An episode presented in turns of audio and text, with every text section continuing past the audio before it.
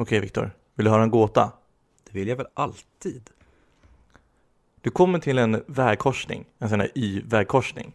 Det vill säga att när du kommer fram där, dit så finns det två vägar, vänster eller höger att gå. Går de höger och vänster 90 grader eller är det som bokstaven Y, att de går fortfarande i en riktning framåt? Som eh, bokstaven Y. Eh, Okej. Egentligen spelar det inte någon roll, men jag tänker att det blir en bättre bild i huvudet då. För du vill Måste fortfarande- man kunna höger och vänster? Nej, du, du kan också kunna öst och väst. Nej, jag kan inget. Nej, okej. Eh, Bak och fram kan jag. Ja. Bak, okej, Upp och framåt, ner. framåt fast på två olika sätt. Ja, Okej, ja men då är jag med. Ja, bra. Eh, den ena vägen leder till alla dina drömmars drömmar och allting, himmelriket och så vidare och så vidare. Och den andra leder till alla plågsamma saker och helvetet och sånt där. Så alltså med andra ord, det är en väg du vill gå och det är en väg du inte vill gå. Ja. Okej? Det här får man tänka på den här, det finns ju några videos, det finns ju med några så här gamla gubbar, det finns flera som har kört den, men jag tycker den är väldigt rolig, där någon ger, eh, där just den med gubben som jag tänker på, där det är någon som ger en gubbe ett alternativ, där han säger så här, okej du får två alternativ, A är att du stannar med typ din fru och din familj, och direkt när den frågan har ställts så säger han B, B, jag tar B, jag tar B. Okej. Ehm, och du vet inte vilken väg som leder till vart. Men vid den här korsningen så står det en av två bröder. Och de här två bröderna är lite speciella. En av dem talar alltid sanning. Och den andra ljuger alltid. Du vet inte vem av de här två bröderna som står vid korsningen. Och då var en fråga att ställa till den här bron som står vid korsningen för att ta reda på vilken väg som är den rätta vägen. Vad för fråga ställer du? Hmm. Eh, mm, Eh, ja, du... Eller ja, ah, okej, jag kan svaret. Frågan jag ställer är alltså...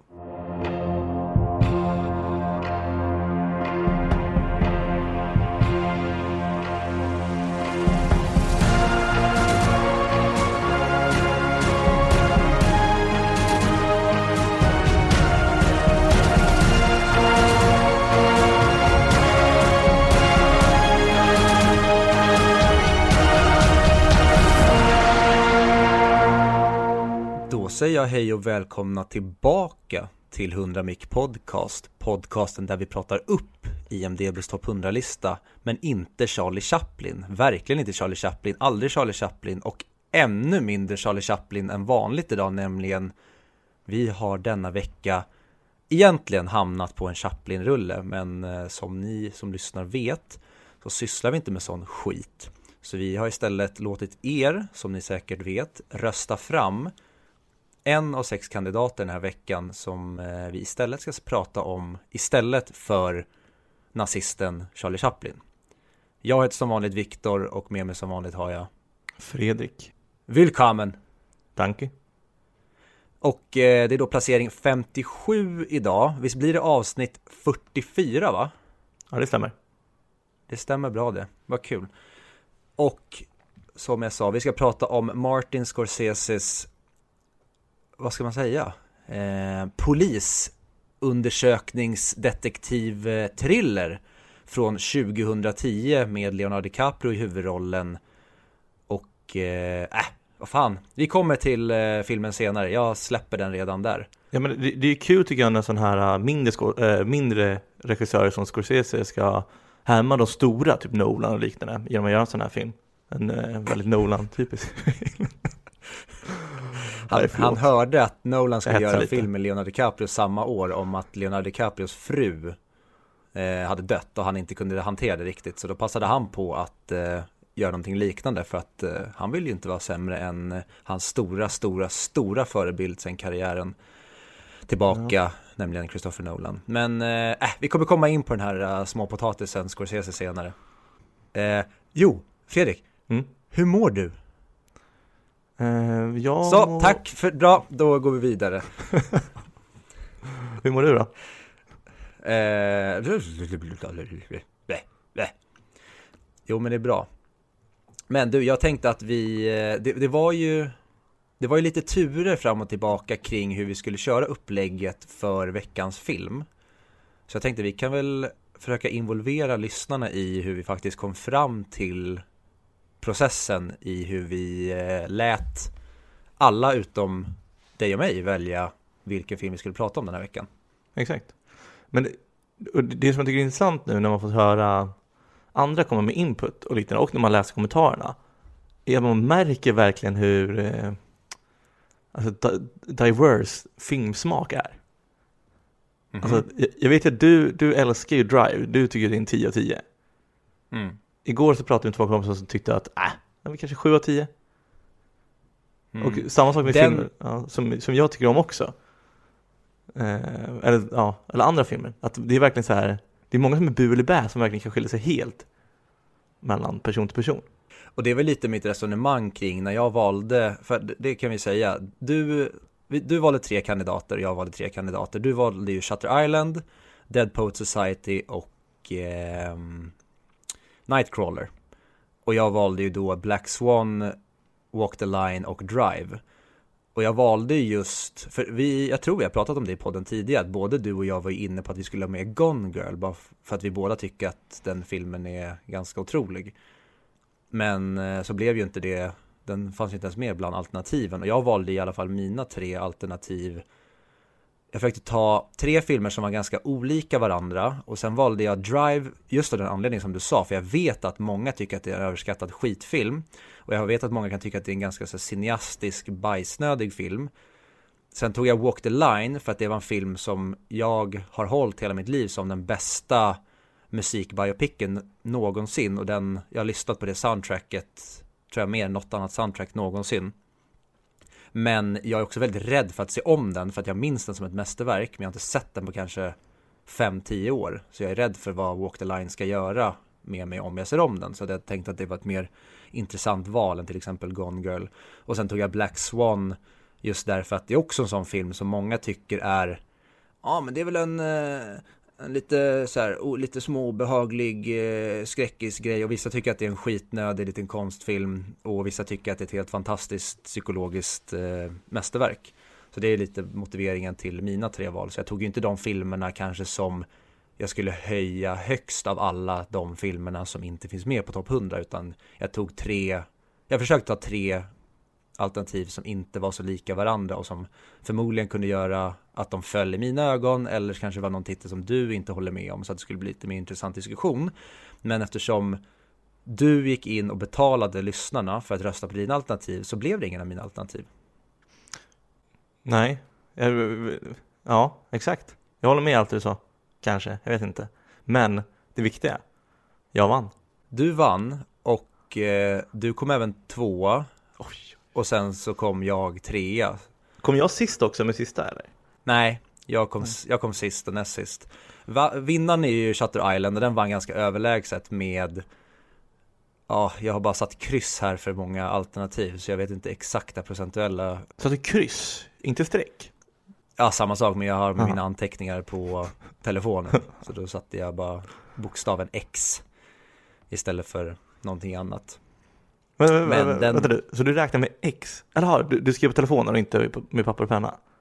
Ja, exakt. Det är ju sjukaste, jag måste flika in. Det var någon som räknade minigolf tror jag, när vi spelade för någon gång. Som, som satte så här streck, du vet som man gör. Men som mm. aldrig satte strecket över för att markera att det var fem. Utan fortsatte bara sätta streck. Så sen när han började räkna typ ihop 38 slag. Då började han räkna varje streck i taget istället för bara, alltså är inte det lite psykopatvarning? Jo, men det är väl lite som när man försöker lära sin förälder eller farmor och farfar något, någon typ, man, en genväg på fjärrkontrollen till tvn eller liknande, att de har levt hela sitt liv med en otrolig onödig omväg. och så det finns ett otroligt lätt lifehack för att göra saker mycket simplare. Det är ju en sån grej, att istället för att räkna alla streck, då kan du bunta ihop och räkna femmor istället. Ja, ja hur som helst. Dead Poets Society är en film som egentligen tar emot allting jag har sagt med lyckligt slut, jag gillar inte den, bla bla bla. Och nu kanske jag orkar spåra lite, men jag antar att de flesta har hört eller sett den. Nej men den handlar om att Robin Williams, han eh, antastar ju en skolklass så att Exakt. en kille skriver en dikt och sen hänger sig. Det är ju den amerikanska varianten på jakten. Ja, jag på tal om jakten, ju gud vad vi hoppar här nu men det skiter jag i. Eh, på tal om jakten. Hade det varit en, en bättre eller väldigt mycket sämre film om man i slutet, det kanske vi pratar om i det avsnittet, men jag tänkte på det i alla fall häromdagen, att hade det varit en mycket bättre eller sämre film om man i slutet fått reda på att han var skyldig? Alltså den, ja. Jag gillar inte den, för den, den hade inte makat sens då. På det sättet att när man, när man följde han, han är ensam, så hade den inte spelat oskyldig då. Fast han kanske var som eh, Andrew Ladies eller Teddy Daniels. Han trodde ja. på en verklighet som inte fanns där. Ja, kanske. Det kanske var så i jakten att hans eh, fru som han hade dödat, hon var ett barn och hette Klara. Ja, nu, nu lekfulla fantasier, Terry. Lugna ner dig nu. Jag tror ju, slutet är ju så pass bra så det kan vara på det sättet att det är så hemskt att han är oskyldig men fortfarande har han stämpeln jakten. Ja, nej, jag, jag håller med. Jag, bara jag tänkte på att hade det, hade det funkat överhuvudtaget om de, för att det är många, det tycker jag också är briljant med det, men det tog vi också i det avsnittet att han blir ju inte rentvådd i slutet på jakten, utan det finns ju fortfarande många där i samhället som uppenbarligen inte tror på hans story, utan tror ju fortfarande att han är den här pedofilen. Ja, men det jag vill komma fram till med Dead Post Society, som, alltså, jag tänkte på den, för jag var lite osäker på om jag skulle ta med den först, men jag har det var länge sedan jag såg det, men jag har svårt att se några större brister med den här filmen. Men också att den har ju sitt jävla climax där i slutet som kan vara typ topp fem bästa climax i en film någonsin tror jag. Du menar att de ställer sig på bänkarna? Exakt. Jag, jag vet inte om det beror på att den blev nedkörd i halsen på en av lärare när man gick i skolan, den filmen. Men jag har ju en inte avsmak, men jag är verkligen inte så stort fan av den. Men jag tror att skulle jag gå in och kolla mitt betyg på den tror jag skulle ganska högt. Men jag har alltid haft svårt för filmer som lärare visade genom skolåldern för att det alltid kändes som att de hade något, någon agenda med det här, att nästan försöka uppfostra en på något sätt. Men sen så har man ju fått lära sig att det var ju väldigt många lärare som tog fram väldigt bra filmer när man sett om dem i efterhand. Mm. Ja men verkligen. Men sen för, alltså Nightcrawler och Shutter Island tyckte jag båda två kunde förtjäna första platsen. Både, jag vet ju att du tycker om båda två. Och jag vet ju att jag valde ju dem eftersom du vill ju utmana, som du säger, lite mer med lite roligare filmer. Alltså jag valde de två för att tycka att de förtjänas att pratas om. Mm. Ja, jag eh, håller med både, om både Shutter Island och Nightcrawler. Att de eh, hör hemma på en sån här sexlistskandidatslistas så, ja. Äh. Ursäkta.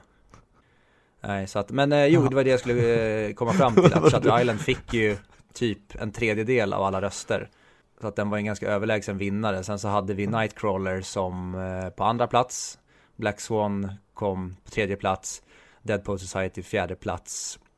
Sen kom Drive som bara fick tre röster och sist kom Walk the Line som bara fick två röster. Vilket jag tycker var intressant för det känns som Walk the Line är en film som är älskad av de flesta. Men den kanske ehm, har glömts bort eller kanske den har blivit sämre i folks ögon på grund av att det har blivit en sån otrolig urvattning av eh, musikaliska biopics sen den släpptes. Antagligen.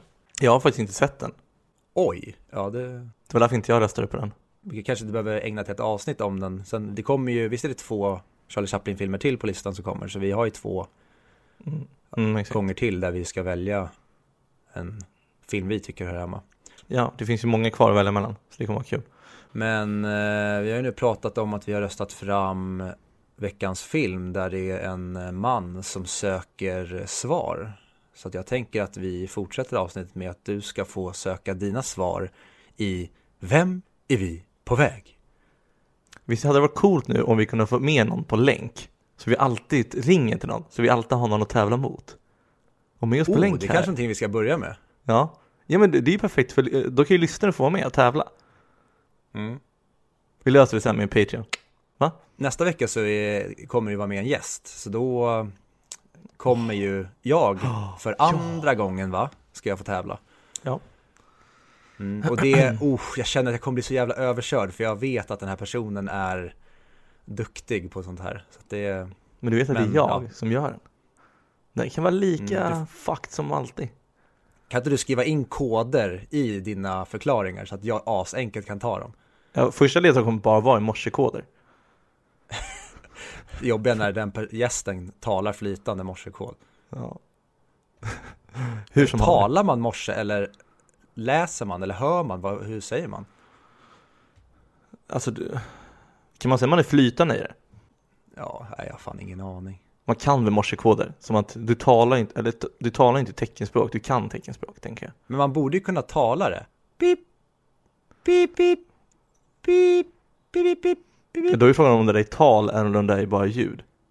Du Jag, talar, jag, jag kan sjunga flytande morse, kan man säga så? ja. Men jag tycker så här Viktor, nog om morse, nu vill jag ta en 10 poängare. Jag gör en egen, eh, vad heter det? En egen eh, vignett till den. Dum, dum, dum, durum, dum, dum, durum. Tch, Kan du gissa svaren Fredrik? 8, 6 eller 10 poäng. Nu kör vi. Vem är vi på väg? Du, du, du, du, dum. Vad fan har du tagit i morse? Eh, det behöver vi inte prata om nu. Ja, jag är som vanligt eran lekledare när det är dags för Vem är vi på väg? Och eh, vi har med oss en tävlande idag, Fredrik. Är du Hej. redo att leka Vem är vi på väg? Eh, det är korrekt. Då kör vi 10 poäng i Vem är vi på väg? Jag föddes 1976 i New Orleans. Karriären drog igång när jag provfilmade för en biroll för filmen Man in the Moon, men imponerade så mycket att jag fick huvudrollen. Ses just nu i Apple-serien The Morning Show tillsammans med bland annat Steve Carell. Sitter du och googlar nu? Nej, varför skulle, varför skulle jag göra det? Hur fan, tänk om vi skulle hålla på med det? Alltså jag tror att jag vet vem det är. Men jag vill inte ha Vågar du fel. gissa eller? Nej, det är två det står emellan. Jag tror ju att du fuckar mig genom att säga man on the moon, men du ser aldrig könet på den här personen. Så det är en kvinna som är i the morning show. Men det Köna fick- inte. Men du fick ju fucka upp mig på det sättet. Skitsamma, 28 poäng. För jag ska ta säkra poäng. Mm. Åtta poäng i Vem är vi på väg? Många gillar att prata om min haka. Jag höll på att knipa min andra guldgosse när jag var vild på vandring. Samma år producerade jag Gone Girl, men fick Oscar nästan ett årtionde tidigare när jag fick en svart man att vara otrogen när vi trallade genom de förenta staterna.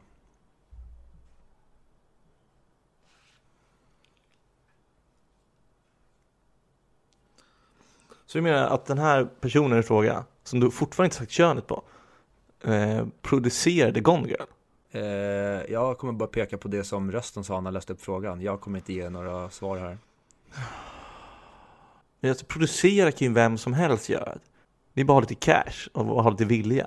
Personen stå, står med som en av fyra, Ja, och prata om dess jag vet inte om, det står som, om personen står som executive producer, men det, det var en snackis när Gone Girl kom att den här personen var väldigt otippad och var med och producera. Alltså jag är fortfarande inte helt säker, så det är sex poäng tack. Sex poäng i Vem är vi på väg? Frågan är om jag fortfarande inte är mest förknippad med min roll som pryd advokat. Tom Hardy och Chris Pine försökte bokstavligt talat döda varandra för min kärlek. Jag fick cash att gå på linjen för min kärlek. Rob Pattinson och Christoph Waltz har bråkat om min kärlek och jag är Rachel Greens syster i Vänner. Ja, jag vet vem det är. Drar. Det måste ju vara då... All right. Vi går vidare till fyra poäng i Vem är vi på väg? Man kan tro att jag helst äter ris med en sked, för jag är ju inte ris utan min sked. Somliga påstår att jag gör låtar som Ain't It Me Babe bättre än den riktiga June Carter Cash. Du har sett mig i filmer som Legally Blonde, Walk the Line, Sweet Home Alabama och American Psycho. Hur känner du? Ja, Jag är 100% säker. Skönt. Då kör vi två poäng i Vem är vi på väg? Kan du inte mitt namn nu så kanske du kan plocka två poäng om du rimmar lite snyggt på Peace Kidderspoon. Och svaret var då Reese Witherspoon. ja, ris med sked. Vad kul att du eh, tog hem sex poäng i den här tävlingen som vi aldrig har räknat total poängställning i, så vi har ingen aning om. du eller jag leder eller hur det står till men Men jag hade ju, jag valde mellan Reese och Jennifer redan på 10 poängen tror jag. Ja, jag var ju nojig som fan där för jag tänkte, äh, men Fredrik han har väl inte sett uh, The Morning Show. Men så tänkte jag att okej, okay, jag drar till med den för att där finns det ändå två kvinnor på posten, så det kan vara någon av dem. Ja, men jag, jag valde mellan hela tiden, sen så fort du sa att Jennifer som syster, ja okej då är Reese. Fan vad irriterande. Att, åh, jag lutar mot Reese också men jag vågar inte, för det är så pinsamt att ha fel på det här. Alltså vet du hur många sms jag har fått när jag har haft fel? Noll. för ingen bryr sig. Jag vill ha mer ja, engagemang av våra lyssnare. Fan. Skit också. Nej, förlåt, jag ska inte säga så om dem. Jag lever ju för hatet. Ja. Och vem ska man skicka hatet till? Eh, filmmixen at gmail.com mm, Stämmer, det är korrekt. Kul eh, anekdot. Jag vet inte om, eh, vet du vem Martin Mutumba är? Okej, okay, är inte det fotbollsspelare? Jo. Ja, bra. Eh, han spelade i eh, AIK. Ja, just det. Och eh, de gick eh, direkt efter de hade vunnit SM-guld typ. Jag gissar på 2011, jag håller inte på AIK så jag har inte koll på när de vann SM-guld. De har kanske vunnit ett någonsin skulle jag gissa på. Så att, eh, äh, skitsamma. Men han blev intervjuad efter deras guldmatch när de vann. Och då hade de gjort en jättedålig första halvlek och då frågade intervjuaren vad var det som eh, fick honom att komma ut i andra halvlek och var jättebra. Och då sa han att han gick in i, i halvtid i omklädningsrummet och så kollade han på sin mobil och där hade massa släkt och vänner smsat till honom att han suger, att han är värdelös då har han kommit ut i andra halvlek och höjt sig. Vi är okej. Okay. Jag älskar den typen av Bra mentalitet. Eh, motivation. Mm. Kul också med den anekdoten är ju att han hade tatuerat in, jo det var ju 2009 kommer jag på nu, för han hade tatuerat in två lax 9 på typ bröstet innan de hade spelat den sista matchen. Och det tycker jag är väldigt kaxigt. Ja, ja faktiskt. Men det är trist, alltså det är trist när man tar sådana där buzzwords som är inne just då, som lax. Två lax ja. nio. Det är ju så jävla töntigt nu att ha det på bröstet, tänker jag. Vad skulle man ha idag? 2K9? Ja, typ. Eller bara inte tatuera sig alls, kanske. Det känns ju ändå som mode fortfarande idag att tatuera sig? Jo men det eller? är det i och för sig, men vad är det, alltså jag menar Det tidigaste jag kommer ihåg det var de här tribes eller asiatiska tecken Och sen efter det så blev det typ sleeves och sen efter det så blev det en fjäder vid rebenen där det stod free falling. Ja, det har varit så många sådana där. Och det, var, jag, jag var nära på att tatuera mig en gång när jag var Ja men typ precis hade fyllt 18 bara. Och det var, jag tror det är många som går i den fällan att ja men jag har inte fått tatuera mig tidigare och nu vill jag tatuera mig bara för att jag kan, jag är vuxen och får bestämma över mig själv. Men jag är så otroligt glad idag för att jag inte tatuerade någonting för att det verkar ju vara så från folk också som har tatuerat sig. Sen är det många som säkert double downar och ljuger bara för att inte se dumma ut. Men det är många som jag har frågat och de erkänner att ja, jag hade ju aldrig gjort det här idag men där och då så tyckte jag att det var skitcoolt och balt. Och jag förstår inte var man, varför man skulle märka hela sin kropp for life med någonting som, alltså du skulle inte välja på dig en tröja hela ditt liv. Jag kan också lägga till att, alltså jag har inte tatuering, så jag har ingenting emot att tatuera sig. Men eh, det känns som det är många som inte tänker efter vad de ska tatuera sig. Det är det jag tänker. Mm, alltså jag, jag älskar tatueringar generellt, så oftast tycker jag det är snyggt. Men, ja, ja, ja. Men, eh, får jag slänga till en till rolig sak? Ja, vi får se. Jag klipper bort det om den inte är rolig. Okej. Okay. Eh, nu i oktober, då har ju Studio lagt på 10% ännu mer på sin De har 10% på allting om du köper två produkter. Och tar du vår rabattkod också 15% Det blir 15 plus 10, det är 25% helt plötsligt. Om du köper två eller fler produkter. Så vad fan, gå in och köp lite julklappar redan nu på studion.com Rabattkod 100mic 1000 Nej, 100 MICC Boom, det var allt för mig, tack. Ja, Nej, det var inte alls tjohornat in det där, men bra. Du, ja, 25% rabatt på uh, lite schyssta hörlurar eller högtalare, det vill man ju ha. Ja, och sen tror jag man får en tygkassa till också. Så det är perfekt ja. nu när det kostar 38 kronor per plastpåse på Ica. Ta med en sån. Mm. Men eh, det jag skulle säga var ju också att eh, vi har ju inte gått igenom Just eh, ledtrådarna. Så det får vi inte glömma. Eh, 10 poäng hon föddes ju i eh, New Orleans. Hon känns ju som en riktig Southern State Girl. I alla fall henne jag ofta tänker på när man tänker på en riktig så här inte, inte prata om det nu Fredrik. Lägg av. Eh, och hon provfilmade ju för en biroll i filmen Man in the Moon Men de, de imponerade så mycket av henne att hon fick huvudrollen Det är kul Och hon mm. gör ju då uh, Apples superstora satsning The Morning Show Där man bland annat ser henne tillsammans med Steve Carell och Jennifer Aniston eh, Och många gillar att prata om hennes haka. Det är ju ofta någonting som kommer på tal när det pratas om Reese Witherspoon. Det är ju att hon har ett väldigt tydligt och eh, utstickande hakparti. Kul när folk ska vara taskiga mot folk på grund av deras utseende. Anywho. Eh, och hon fick ju en, eh, sin andra Oscarsnominering när hon spelade huvudrollen i eh, filmen Wild från 2014 om jag inte minns fel. Men hon vann ju inte för den. Och sen det här då med eh, Gone Girl, hon var ju med och producerade den, vilket är Ja, det är gärna en film jag också hade varit med och stått som producer för. Så det var ju snyggt av henne. Men hon vann ju sin Oscar när hon spelade June Carter Cash i Walk the Line med Jacqueline Phoenix. Och det var ju det då när att hon fick sin Oscar nästan ett årtionde tidigare när hon fick en svart man att vara otrogen när vi trallade genom Förenta Staterna. Johnny Cash var ju inte svart men han är ju the man in black för att han alltid bar svart. Och sen då på sex poäng. Hon är ju kanske mest förknippad med sin roll som jag kommer inte ihåg vad hon heter, men Legally Blonde, det var ju typ den som hon i alla fall blev bred med och eh, välkänd.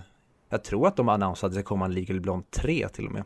Så den lär ju sälja satan på biograferna. Nej, jag tror inte att den kommer sälja så mycket på biograferna eftersom det är corona och man får inte gå på bio. Eller fan inte samma utsträckning. Jobbigt om den är, eh, om coronan är kvar när den är inspelad, för jag tror bara den har blivit annonsad och inte ens fått sin cast än. Okay. Jag vet inte ens om den har ett manus, skit samma hon fick ju Johnny Cash att gå på linjen för sin kärlek, alltså hon spelade ju June Carter i Walk the Line, Robert Pattinson och Christoph Waltz har ju bråkat om hennes kärlek i Water for Elephants och eh, Tom Hardy och Chris Pine försöker ju döda varandra i filmen This Means War. Har du sett den? Ja, den är ju typ bra. Jag tänkte precis säga att det är eh, en helt bedrövlig film. Men kul att någon gillar den. Men det är ju asbra liksom romantisk komedi med lite action. Mm. Ja, jag minns att den började lite intressant men sen blir den helt bananas bara. Men jag kanske skulle kunna se om den idag med nya ögon och tycka någonting annat. Mm. Det tror jag. Yes, och det var egentligen det som Ja, hon har varit med i filmer som Legally Blonde, Walk the Line, Sweet Home Alabama, American Psycho. Men, eh, mm. Så det var allting om eh, ris med sked den här veckan. Och vet du vad? Då tycker jag att du shut it and go to the island. För nu är det dags för Shutter Island, Fredrik Alt. Det skulle vara kul att ha någon gång där vi bara försöker komma på P3-övergångar.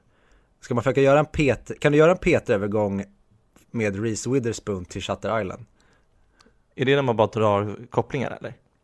Ja, du försöker gå från ett ämne till ett annat ganska sömlöst som det går. Det kallas ju för en P3-övergång när man säger att Ja, och nu från eh, väder till eh, någonting annat där det är Oscar. För nu ska vi prata om eh, Thunderdome Movie. Okay. Är du beredd? Mm? Eh, på tal om Reese Witherspoon så läste jag att hon och hennes man, du vet eh, han som eh, stammar, att de köpte en ö. Och på tal om det, Shutter Island. Vad stammar? Ja men stutter.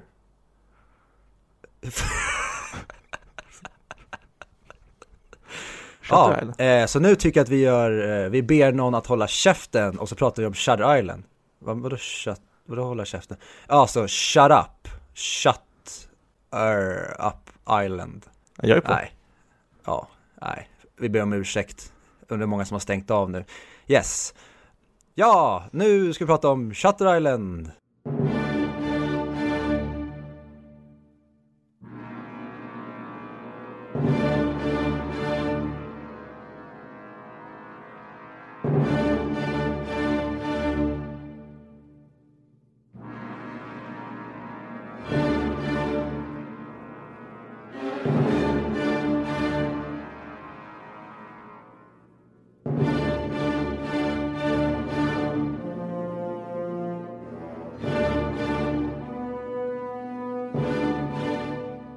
Trots våra briljanta försök till en härlig övergång så har vi ju faktiskt nu tagit oss hela vägen fram till veckans film som ni då lyssnarna har bestämt är Shutter Island från 2010.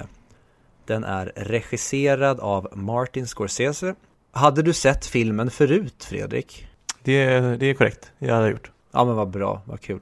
Jag har också sett den här filmen ett antal gånger tidigare och jag kan ju känna nu, men det kan ju också vända. För det var ett tag sedan jag såg den förra gången och jag var ju lite rädd för över hur den skulle ha landat nu när det, det har ju gjorts ganska mycket film de senaste åren vill jag minnas där filmerna verkar vara någonting och sen visar det sig att de är någonting helt annat. Så att jag var rädd för att den typen av genre som Shutter Island är skulle vara lite urvattnad nu när jag skulle se om den. Så jag var lite orolig över mina förväntningar. Du då? Jag, jag tyckte inte så som du sa. Jag var otroligt eager att se den här filmen när den kom ut, kommer jag ihåg. Under hur allting höll upp. Jag var lite rädd för, för att den skulle vara väldigt läskig. Alltså pratar du om när du skulle se den första gången eller nu när du skulle se om den? Första gången. Ja, för första gången så var jag svintaggad på den just därför att jag älskar Martin Scorsese Aha. och Leonardo DiCaprio skulle få föda mina barn alla dagar i veckan. Men jag menade att nu när jag skulle se om den så var jag orolig över hur den skulle ha åldrats. Ja, okej. Okay. Ja, ja nu, nu när jag såg om den, då var jag mer taggad på att se, nu när man visste allting, och kolla på alla så små ledtrådar hela tiden. Mm. Så jag, jag var inte orolig, tror, tror jag. Men jag kanske, kanske, kanske ska dra en eh, premiss då, så att mm. de som mot förmodan inte riktigt vet vad filmen handlar om har lite koll på det. Den handlar ju då om eh, den legendariska, jo han är Marshall, jag vet inte vad det blir för översättning. Teddy Daniels som då ska komma till Ashcliff och eh, mentalsjukhuset där för att hitta en patient som har rymt från deras mentalsjukhus. Och det är pretty much det vi får reda på i början. Men eh, den här filmen är ju allt annat än vad den utger sig för att vara. Så jag tänker att vi kanske kan rakt in bara dyka in i den här in ner i plurret som är den här väldigt, väldigt spektakulära filmen.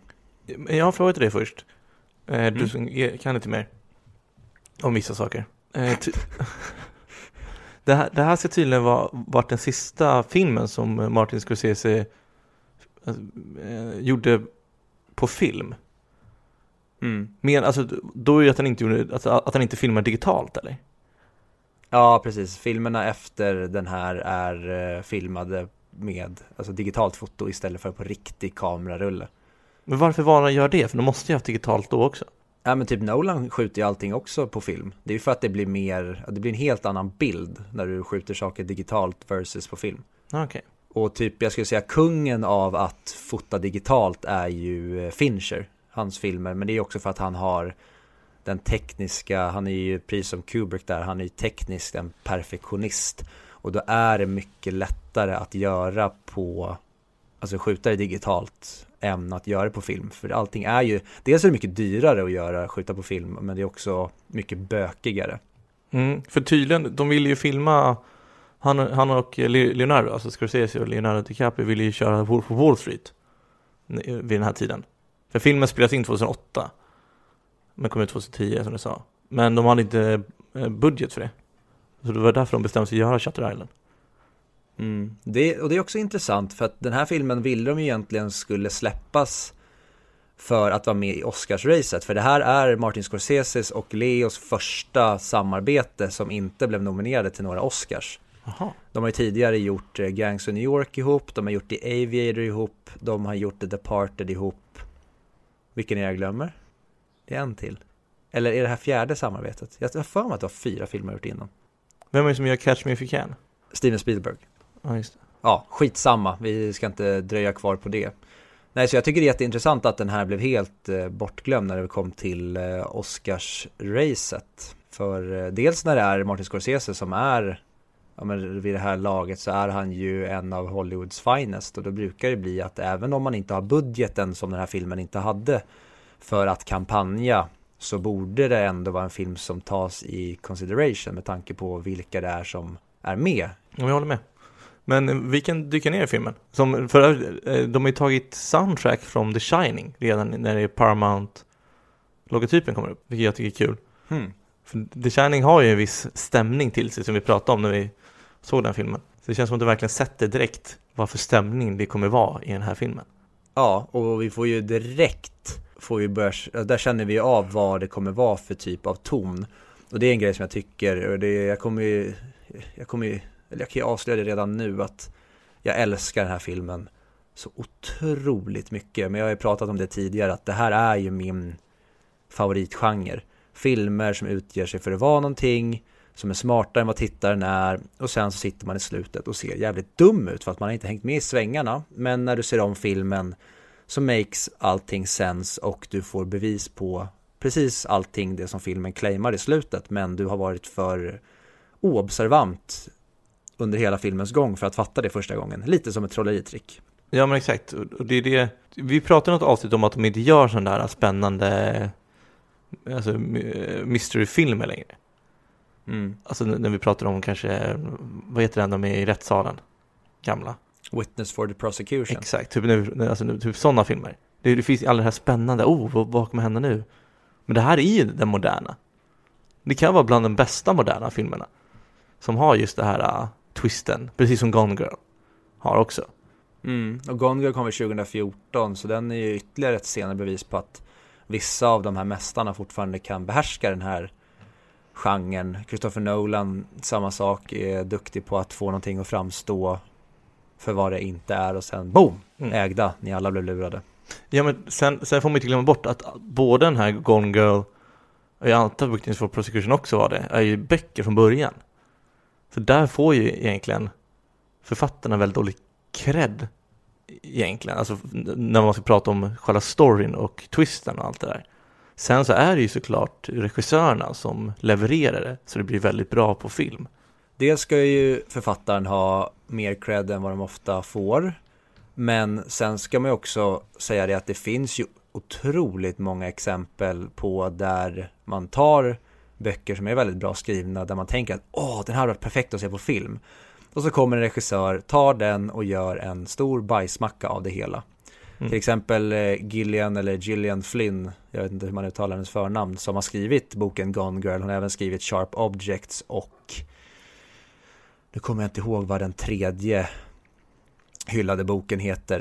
Eh, men hon gjorde ju- hon skrev ju de tre böckerna, så gjorde Fincher, Gone Girl, sen så gjorde ju, är det Sean Mark Vallée tror jag som gör miniserien Sharp Objects med Amy Adams i huvudrollen. Där lyckas de ju också konvertera boken på ett otroligt bra sätt till en filmatisering eller en miniserie i det här fallet. Men sen är det den här tredje titeln som jag kommer försöka komma på vad den heter, där Charlize Theron spelade huvudpersonen. Eh, Men den har också en otroligt bra story och en snygg twist och är spännande rakt igenom. Men där kom det en obegåvad regissör och fuckade upp hela den storyn så att den filmen är ju helt värdelös. Men det är ju trist. Mm. Det är ju som att missa öppet mål känns det som. Ja, eller så är det inte det, tvärtom. Jag skulle nästan ge både Jean-Marc Vallée och eh, Scorsese credden för att de är så duktiga på att konvertera sånt här. För det tycker jag, men det tycker jag egentligen med all film, att det är ju ett svårare uppdrag att göra en bra film än att få till en dålig film när du har ett bra manus. Ja, alltså det är Ja. det man märker. Det är ju för jävla svårt att göra en bra film. Det är så mycket som måste hålla en viss nivå. Men men, Ja, ska, ska vi gräva lite mer i Shutter Island? För det är ju otroligt många intressanta saker här. Redan i början så ser man ju, alltså just det som jag tycker var fas- fascinerande när jag såg den andra gången nu. Det är allas blickar och hur alla andra beter sig runt honom. mm. Allt ifrån att komma in där och, och, och, och sen det är någon så här, som vinkar, någon patient där som vinkar till honom och hon som kör tecknet till att någon ska leta efter någon, så alla vakter ska leta och alla sitter bara ner och typ röker. För de orkar inte med det här, för de vet att de inte kommer hitta någonting och att det bara är här, en lek. Nej, otroligt. Ja, och det tycker jag också är en del av briljansen i den här filmen, för den har så otroligt många olika lager och som du pratar om, detaljer. Att det är ju Ben Kingsleys karaktär som vill utföra det här experimentet tillsammans med Mark Ruffalos karaktär.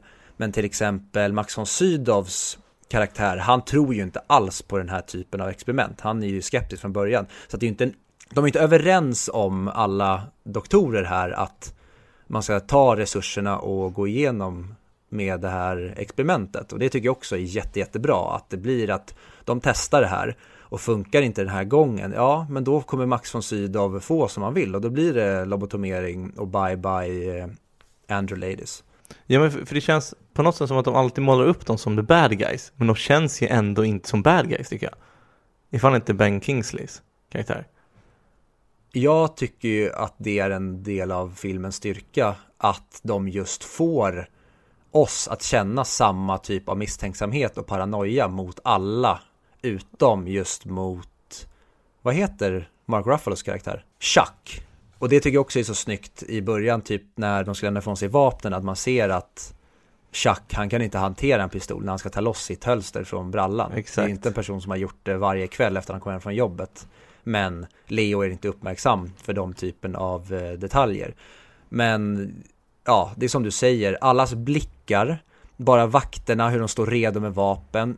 Och sen i och med att mordet på hans barn skedde ju i vatten Mm. så har ju Andrew Ladies fått en komplicerad relation till vatten. Och jag såg om det, eller jag, jag spolade tillbaka och kollade om det nu när han intervjuar den här kvinnan i köket och hon ber om ett glas vatten och sen när hon dricker vattnet då håller hon inte i någonting.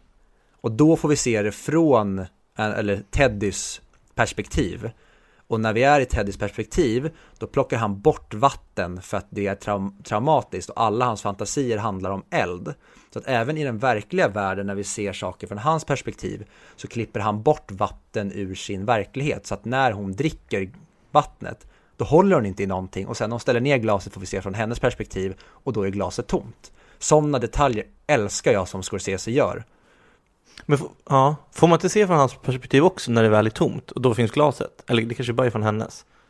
Nej men glaset finns, men när vi ser från hans perspektiv så, för att vattnet försvinner, så när hon, när hon dricker glaset från hans perspektiv, då finns det inget glas alls i och med att det finns vatten i det. Men har hon druckit upp och det ställs ner, då finns det på bordet sen, men inget vatten. För då Exakt. är glaset tomt. Så att vattnet i sig tar han bort. Och det är en av hans stora, stora egentligen motståndare i den här filmen. När man tänker på det, det är ju vatten. För stormen, det, det här regnet är ju en del av det som får honom, alltså ställer till det i hans jakt på svaren. Ja men det är ju massa sådana saker. Men det, en sak som inte jag kommer ihåg nu när jag såg den första gången, det är att hon, patienten som spelar, är det Rachel? Hon är ju tydligen, hon är ju sjuksköterska där. Mm, hon är ju vid hans säng när han eh, vaknar upp i slutet och är frisk. Exakt. Eller när de eh, har gått igenom experimentet och har hittat ett breakthrough. Ja, det tänkte jag inte alls på. Alltså, för jag hade för mig att hon var en patient som de bara satte in där. Mm, men där, där, det, och det, det är ju det som också är den här filmen. Filmen har ju massa klafffel och logiska luckor. Men det är ju för att vi är ju en del av Teddy Daniels eller Andrew Ladys eh, hjärna. Så att saker ska inte gå ihop. Men när du lägger ut pusslet i slutet så, så går det ihop. Men rent när du ser, eh, om du kollar på filmen för första gången och tänker på alla, att allting ska gå ihop, så gör det inte det. Men det är ju för att saker inte går ihop i hans huvud, för att han vrider sanningen och saker till att det ska funka för honom. Och för att de hjälper ju honom att lägga luckorna för att allting ska passa in och sen leda honom till det här uppvaknandet. Så det är ju en väldigt komplicerad grej, det är ju en teater och en filmatisering. Den har ju så otroligt många lager i det här att det är ju en film i en film eller en teater i en film. Nej men jag tycker inte den har några luckor. Jag tycker allting makes sense. För jag försökte leta efter det. Men allting går att förklara, tycker jag. Eh, det enda som, är, som inte jag förstod riktigt är om stormen är på riktigt eller inte. Men stormen är väl på riktigt? Det måste den ju vara, för alla, alltså det är för mig att alla ska samlas och fånga rymmer och så vidare. Ja, det blir väl lite för storskalig eh, psykisk ohälsa om det skulle vara så att han projicerat alla träd och Mm. allt det är på låtsas. Så det tror jag att den är. Och det är också en del av hela hans, eh, man, när Scorsese visar hans eh, state of mind, det är ju att det börjar med dåligt väder i början. Och det här, är ty- det här läste jag att det är en del typ av en av Freuds eh, teorier om att i vårat consciousness så är, om man skulle spegla det vädermässigt så är det en solig dag som är slutet när han är frisk. Då är det hans consciousness att mm. allting ser fint och städat ut. Men ju mer i hans unconsciousness det går där det blir mer och mer kaos, det speglas också i då vädret, att det börjar som ett dåligt molnigt, en storm är på väg och sen är vi mitt i stormen när han är mitt i stormen. Så man speglar hela hans undermedvetna samtidigt i vädret och stormen. Ja, precis, för där i slutet så är han ju helt frisk. Men slutet kanske vi kommer till senare. Men det är också kul, tycker jag, att se här att, för det här var ju samma tid som Inception kom ut. Och mm. när de börjar med de där uh, båttutorna. Ja, Hans Zimmer. Uh, Exakt. Det är också en grej som jag älskar med den här filmen. Musiken är helt otrolig och jag älskar kaoskänslan man får direkt när de åker genom grindarna på Ashcliff. Ja. Att musiken speglar egentligen, alltså den, den makes no sense i början att de sitter i en bil, de ska påbörja en utredning. Men musiken är alltså bombastisk och den känns så obehaglig och påtaglig att man redan där börjar man få känsla av att någonting här är inte vad det verkar. Precis som Teddy då tänker själv i filmen att någonting är skumt här och han, man vet ju, man får reda på senare sen att han, inom citationstecken eftersom det är hans huvud, har fått reda på att de utför nazistiska experiment här på fångarna. Men ja, det är snyggt tycker jag, de knyter ihop allting. Med att han, han som han fick reda på det, han pratar med en sen ju. Och då sitter han fortfarande fast där. Vad heter han? Dunham? För alltså, sättet han fick reda på att det var nazistiska, det var ju för att han pratade med en av fångarna. Mm. Som, som han sa att han hade träffat på något annat fängelse. Så man, när han kommer um, upp i avdel, alltså byggnad C och, och pratar med honom där. Alltså han som han har spöat. Exakt. Mm. Det var han som började prata om, eller det var ju från, det var ju så han fick reda på att det var experiment och konstiga saker som hände. Och även där, han, han är ju en, en schizofren fylld av konspirationsteorier och det passar ju perfekt in i Teddys narrativ som själv inte kan eh, copa med verkligheten på grund av alla hemskheter han har gjort. Ja, jag tänkte på det nu när man såg Mark Ruffalo när han spelar Chuck. Mm. För det är ju som metaskådespeleri där. För han måste ju spela ja. någon som spelar någon annan dåligt. Samtidigt som han ska vara inställsam och få hans förtroende så måste han hela tiden vara på sin vakt och vara analytisk och han är ju som du säger, han är flera roller samtidigt. Inte bara doktorn, inte bara Chuck, utan han ska även vara alltså, analytisk. Egentligen skulle han ju vilja ha någon bredvid sig som för anteckningar, men allt det här måste han göra samtidigt, hela tiden. Ja, men jag menar alltså som, som Mark Ruffalo, han, han måste ju spela en person som spelar en person dåligt. Mm. För annars har jag för först tänkte så här, men det måste vara världens lättaste roll att göra. Det är bara låtsas skådespelerier lite, så kan man ta någon som inte är så bra på skådespeleri, så kommer det vara trovärdigt. Mm. Men det blir ja. ännu svårare egentligen, tänker jag. Ja, Nej, jag tycker, eh, och jag, jag gav Mark Ruffalo mycket skit i något Avengers-avsnitt vi pratade, men här är ju Mark Ruffalo, peak Mark Ruffalo, här är han ju helt otrolig.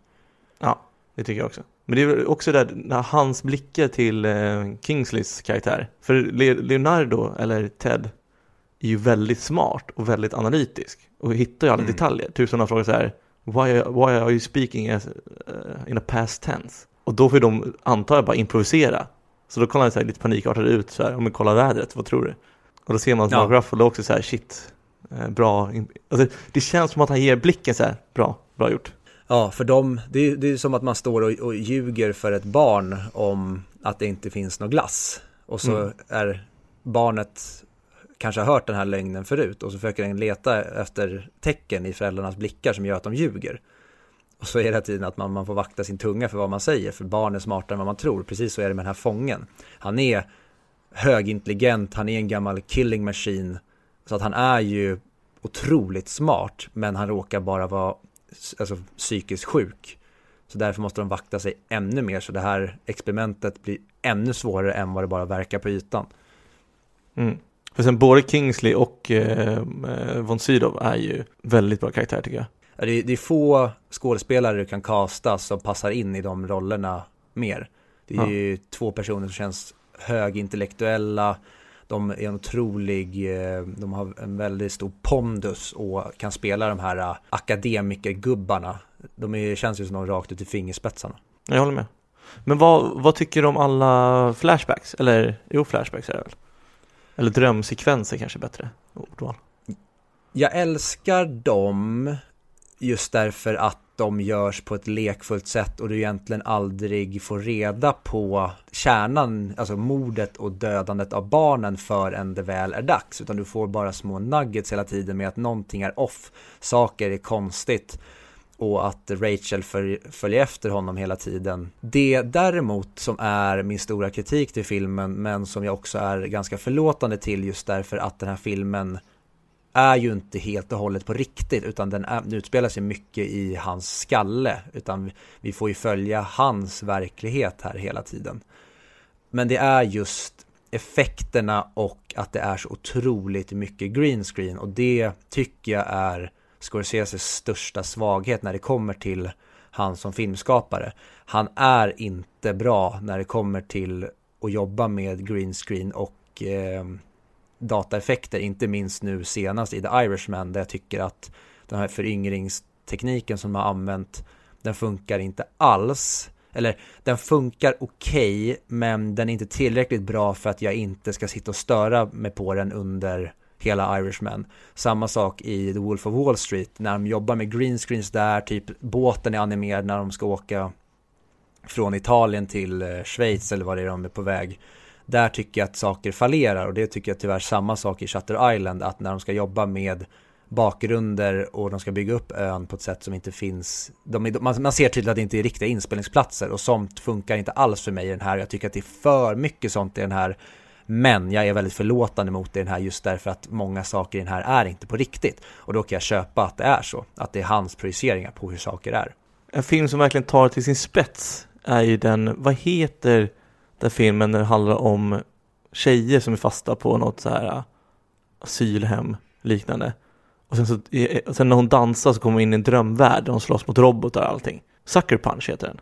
Mm -hmm. Har du sett den? Nej, det är en Zack Snyder-film va? Ja, jag tror det. Den, den hade lite samma vibbar fast den tar ju allting, alltså om du tycker det här var mycket green screen, då kommer du hata den. Om vi säger så. Mm. Jag vet inte, jag gillar det på något sätt. Men samtidigt så vet jag inte om det ger så mycket, men när man får se när han var i militären och liknande. Alltså ger det för mycket mer till hans karaktär? Jag älskar de bitarna. De, och de läskigaste bitarna i hela filmen tycker jag är de med de här alla judekroppar som är fastfrusna. Ja. Och när det ligger en mamma och en dotter och de bara helt plötsligt öppnar ögonen och stirrar på honom. Bara jag tänker på det nu så blir jag helt creeped out.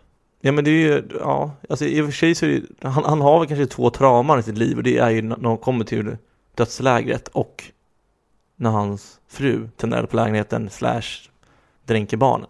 Eller framförallt när hon dränker barnen. Det är väl de två trauman han har, det är de som kommer tillbaka i drömmarna hela tiden. Ja, det är ju de, de som har alltså, krossat hans psyke egentligen. Tänk dig ja. att du som åker bort till Tyskland, du får se allt det här som skedde i Auschwitz och inte nog med det, istället för att du då, eller ni ska vara goda och kanske ja, men ge de här nazisterna en rättegång, vilket egentligen är det schyssta att göra, då är ni lika onda själva och skjuter ihjäl dem. Det är ju också en person trauma. Sen när han går in då och man ser vad han gör mot den här nazistgeneralen, att han låter honom dö långsamt istället. Där och då, man kan ju tycka att jo men det förtjänar ju han, men vad gör det med en person att du har låtit honom förblöda långsamt? Det måste ju gräma honom också. Och sen med att du har en psykiskt sjuk fru som du inte vet när hon kommer snedtända och försöka ha ihjäl en familj. Ja, så flyttar vi ut till en litet fint hus vid en sjö för där tror man att hon kanske ska bli frisk och må bra och blundar för verkligheten istället för att sätta henne på psyket. När det slutar med att hon dränker era barn och i den här smärtan så skjuter du ihjäl henne. Alltså det är ju för många grejer för att inte få vem som helst att gå sönder. Ja, jag kom på det. Jag backar med eh, militärsakerna. För det är dels att det förklarar ju varför han hatar dem så mycket och måste eh, utreda de här nazi-experimenten. Mm. Och som du säger att han har ju sina problem när han kommer tillbaka. Men han måste ju fortfarande vara pelaren i vinden. När, för hans fru har ju också problem. Och sättet mm. han löser på är ju dricka. Och alltså för övrigt, det är ju En serie som, som jag tycker löste det här exakt lika bra och fick samma känsla när man, när man för genom hela filmen nu så har så teasat om vad som hände. Men det dröjer väldigt långt in i filmen som de faktiskt visar exakt vad som hände. Mm. Och exakt samma sak i 13 Reasons Why, säsong 1. Så hela den serien har ju varit att de tog livet av sig. Men det är inte förrän i sista avsnittet som man verkligen får se det hända. Och jag, alltså jag vet inte när jag minns när en så kraftig känslomässig våg kom över en, när man faktiskt fick se det. Exakt samma sak här. Otroligt bra gjort av Scorsese. Otroligt äcklig känsla att ha, när man väl får se det. Mm. Och sen eh, får man inte glömma, jag nämnde ju musiken innan som en av filmens starkaste bitar, men egentligen alla bitar i den här filmen utom just effekten är starka för att jag tycker att den här filmen är helt otrolig. Men han använder ju ett av mina favoritstycken, nämligen Max Richters The Nature of Daylight, när mm. det ska bli de sorgliga delarna. Och där spelar det ingen roll. Hör jag tio sekunder av den så går jag sönder, så du skulle kunna ha den i en eh, Seth Rogen komedi och så slår du på en Nature of Daylight och börjar jag gråta för att den är så otroligt kraftfull.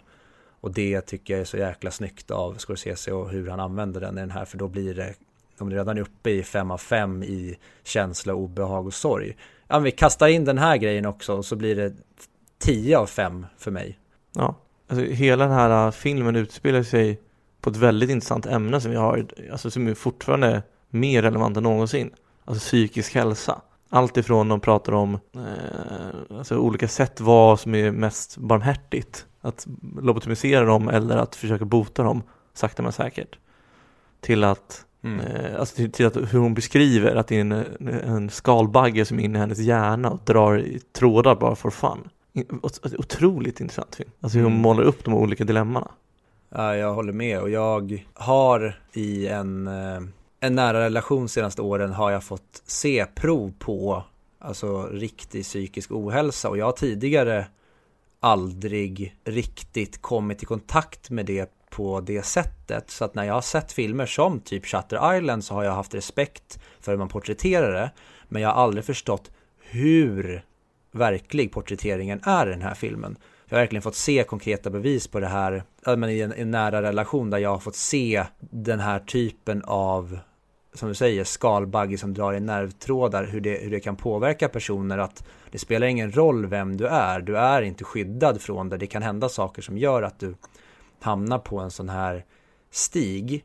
Och då blir det just att, som i Teddy Daniels fall här, att du tar saker från ditt förflutna eller saker som du har kanske en liten aggression emot och de sakerna växer sig enorma och du bygger konspirationer för att copa med din verklighet för att verkligheten ska stämma överens med din agenda och ditt narrativ.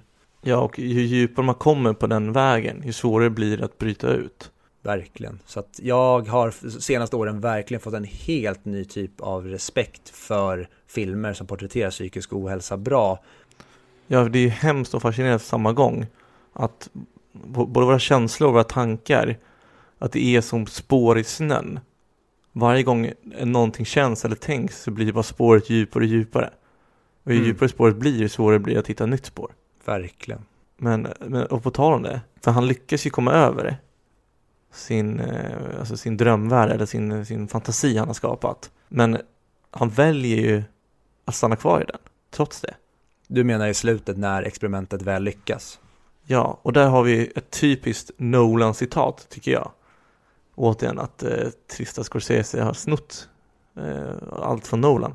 Som är the mastermind på att göra film. Bäst i världen någonsin och så vidare och så vidare. Skoj åsido. Men alltså det är ju, han säger ju ett, ett adjö till hans, eh, alltså till, till Chuck då. Mm.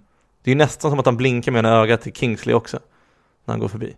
Ja, och vi kanske kan komma in på den direkt för det finns, för att första gången du ser den då sitter du egentligen bara efter slutscenen har utspelat sig så sitter man bara och gapar och undrar vad fan är det som har hänt för någonting.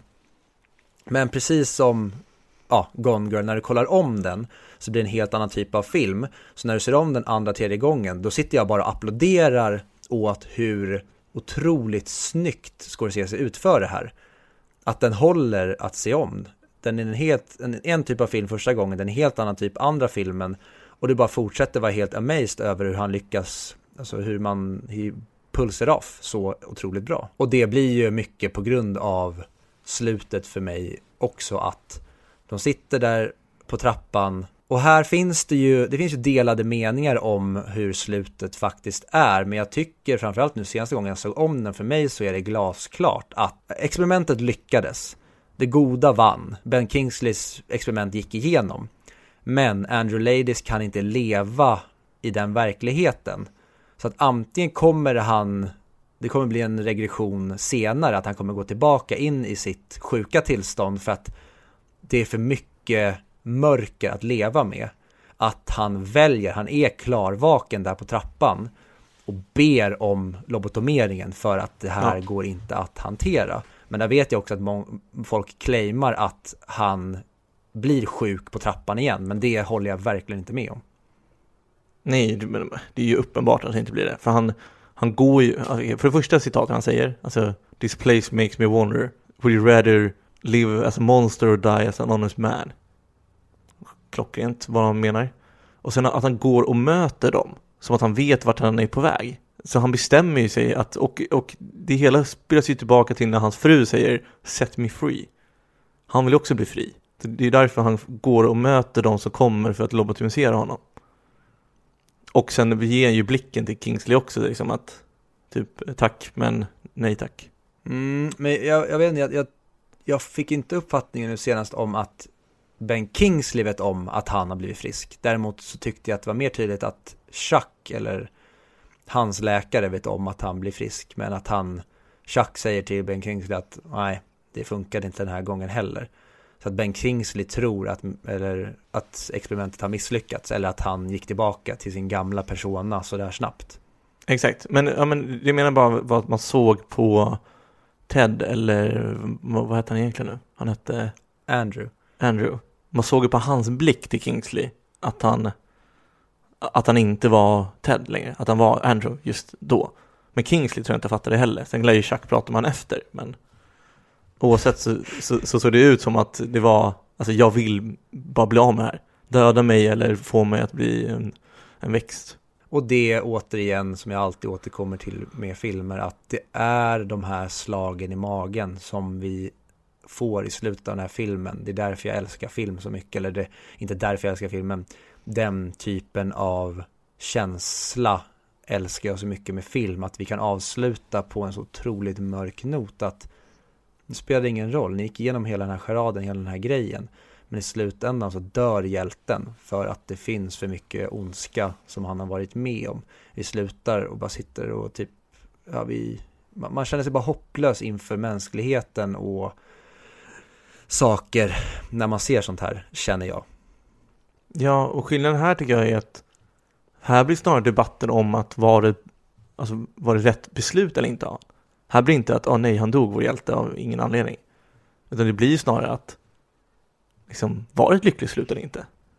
Ja, för han får ju ändå, han får ändå vila från att vara sjuk. Det är som en person som lever med cancer som många säger att men det är inte värdigt ett liv att ni håller mig vid liv med massa strålbehandling och cellgifter när jag bara har ont hela tiden och mår dåligt. Eller mm. en person som ligger i respirator eller en person som är förlamad där det finns personer, exempel där de säger liksom döda mig, det här livet är inte värdigt att leva. Det är samma sak i den här filmen. Är, han tycker inte att livet är värt att leva när han bara kommer leva med den här otroliga smärtan. Och då är det bättre att bli frisatt. Vilken jävla film va? Ja, den är, den är helt, helt jävla otrolig och jag älskar Martin Scorsese är en av mina favoritregissörer just därför att han är så bra på att tackla typ alla olika genrer. Wolf of Wall Street är en av mina favoritkomedier, den följer han upp, eller gjorde han, han gjorde Hugo emellan tror jag. Jag minns inte. Ja, jag har inte sett Hugo heller. Jag har sett den en gång men det var så här, ah, det här var inte min kind of Kappa Cafe. Men att han kommer sen med och gör Wolf of Wall Street som är en film så långt bort från det här som det bara går. Innan har han gjort The Departed som är ett ja, absurt gangsterdrama som egentligen ligger mer i det han brukar göra. Han har gjort The Aviator som också är ett psykologiskt drama som är mer åt Shutter Island-hållet, men långt ifrån Goodfellas och The Departed-hållet. Han har gjort Gangs of New York som är liksom ett kostymdrama. Han, han kan verkligen tackla alla olika typer av filmer och det älskar jag med honom. Och här är ytterligare bevis på vilken mästare Martin Scorsese är.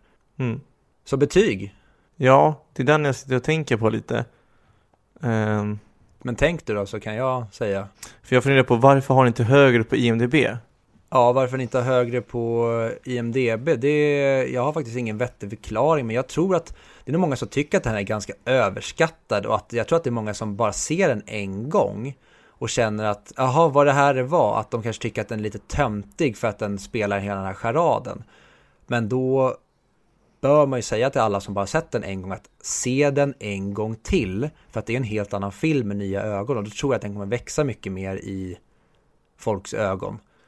Och för varje gång man ser den så blir den bara bättre och bättre, tycker jag. Men för mig är det, det här är en perfekt film förutom effekterna, men det är också petitesser och just för att den här filmen är mycket av en sinnessjuk persons vanföreställningar så köper jag det mycket med att världen inte är helt verklig. För man kan inte, vissa grejer i den här filmen kan man inte avgöra vad som är på riktigt och inte. Ta typ tändstickorna när de är i eh, avdelning C. Tändstickan lyser ju upp på tok för mycket.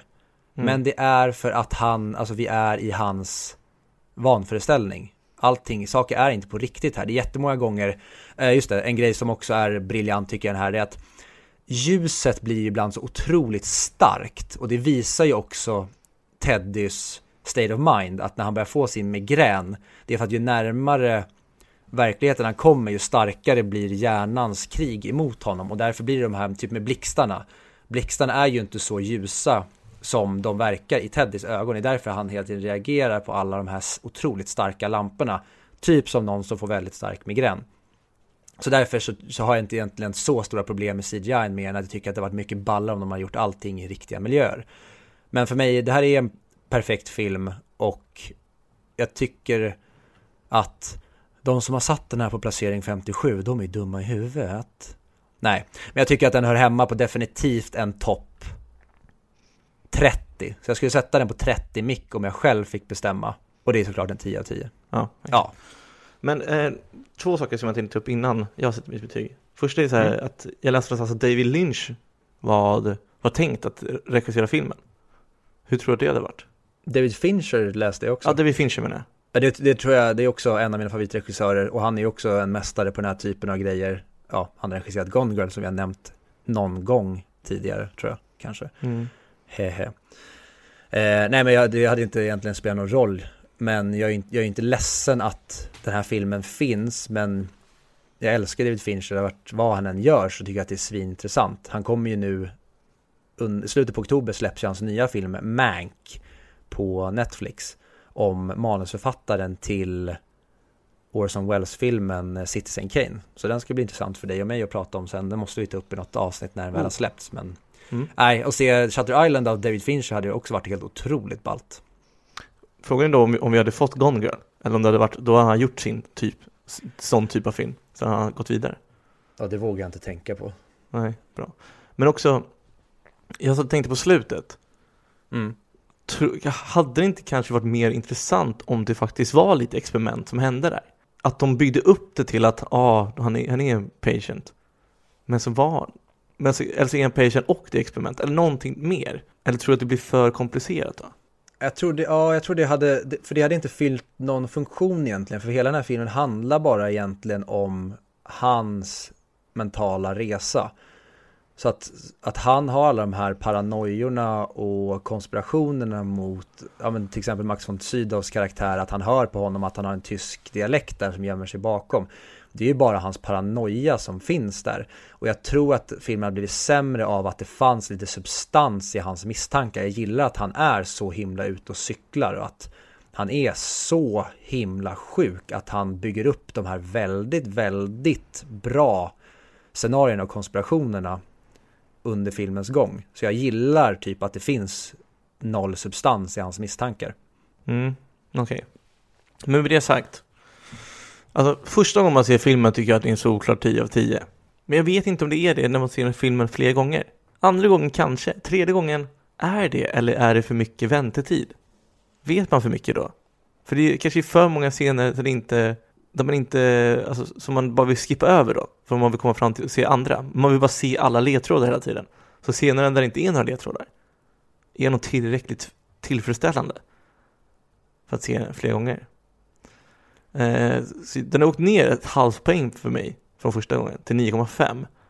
Men eftersom vi alltid avrundar uppåt så tror jag att det ändå blir en 10 av 10. Och alltså mickplacering så tycker jag typ att den förtjänar kanske ungefär där vi placerar nu. 60, 50. Ja, kanske lite högre. 40, 50, 40, 40, 50. Fan, är den 10 av 10? Jag tycker att den är 10 av 10, det du säger med väntetiden, jag tycker inte att det finns någon väntetid för jag sitter ju bara och kollar på allt. Jag, jag, jag kollar ju väldigt lite på Leo när jag ser om den här. Jag tittar ju väldigt mycket på det som sker runt omkring bara och sånt älskar jag. När man vet att de vet och man vet alla, man ser alla detaljer. Till exempel när de sitter och intervjuar hon kvinnan som dricker vattenglaset. Då står det en vakt när man, har, när man ser henne, då står det en vakt och har koll på henne. Sen när de filmar Leo, då är det precis likadant, det är en vakt som kollar honom också, vilket ännu mer visar att han är en patient. Sen när de filmar Chuck, då är det ingen vakt i bakgrunden som har koll på honom. Det är också, det är små nuggets i Mm. varje liten scen som Scorsese planterar där som är ett bevis på att han är en patient. Nej men jag tänkte själv också, det är så pass bra story. Alltså mycket cred till författaren, även också mycket cred till Scorsese som har fått fram den där på bild. 10 av 10 får det bli. Bra! Bra. 45 mick. Boom, Kul! jag är klar. Nästa vecka är det dags för en, eh, är det den första Steven Spielberg-rullen på listan? Jag tror det, vi har inte pratat om någon Steven Spielberg-film. Då är det i alla fall dags för Raiders of the Lost Ark, eller som de flesta svenskar känner till den, Indiana Jones. Ooh. Raiders of the Lost Ark, vad fan blir det? Skit samma. Raiders of the Lost Ark, eh, Indiana Jones-filmen från 1980 vill jag säga. Mm. Så det, och den, jag vet inte hur det ligger till nu. Enligt Playpilot som eh, den har fel lite då och då så kan man faktiskt se den på More om du har ett konto där. Annars finns det typ att hyra överallt annars. Men nu när Disney Plus har lanserats och jag tror ju i och med att Disney äger Lucasfilm och Indiana Jones är en Lucasfilm så är frågan om du inte måste ha Disney Plus-konto för att kunna se Indiana Jones. Jag har inte riktigt koll på det.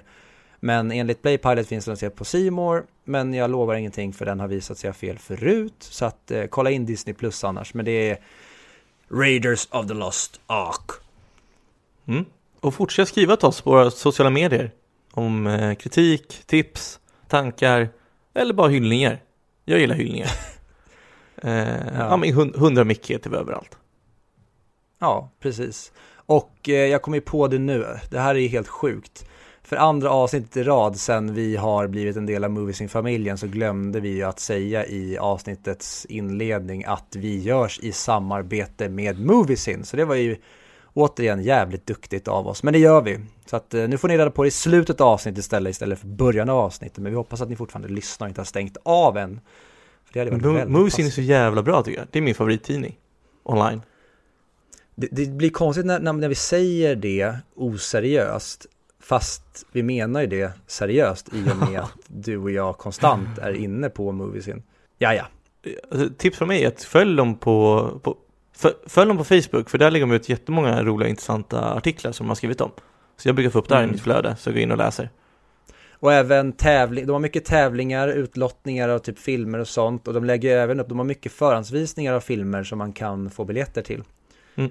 Så att gillar du film och gillar eh, tävlingar och går på gratis bio ibland så in och följ. Bra.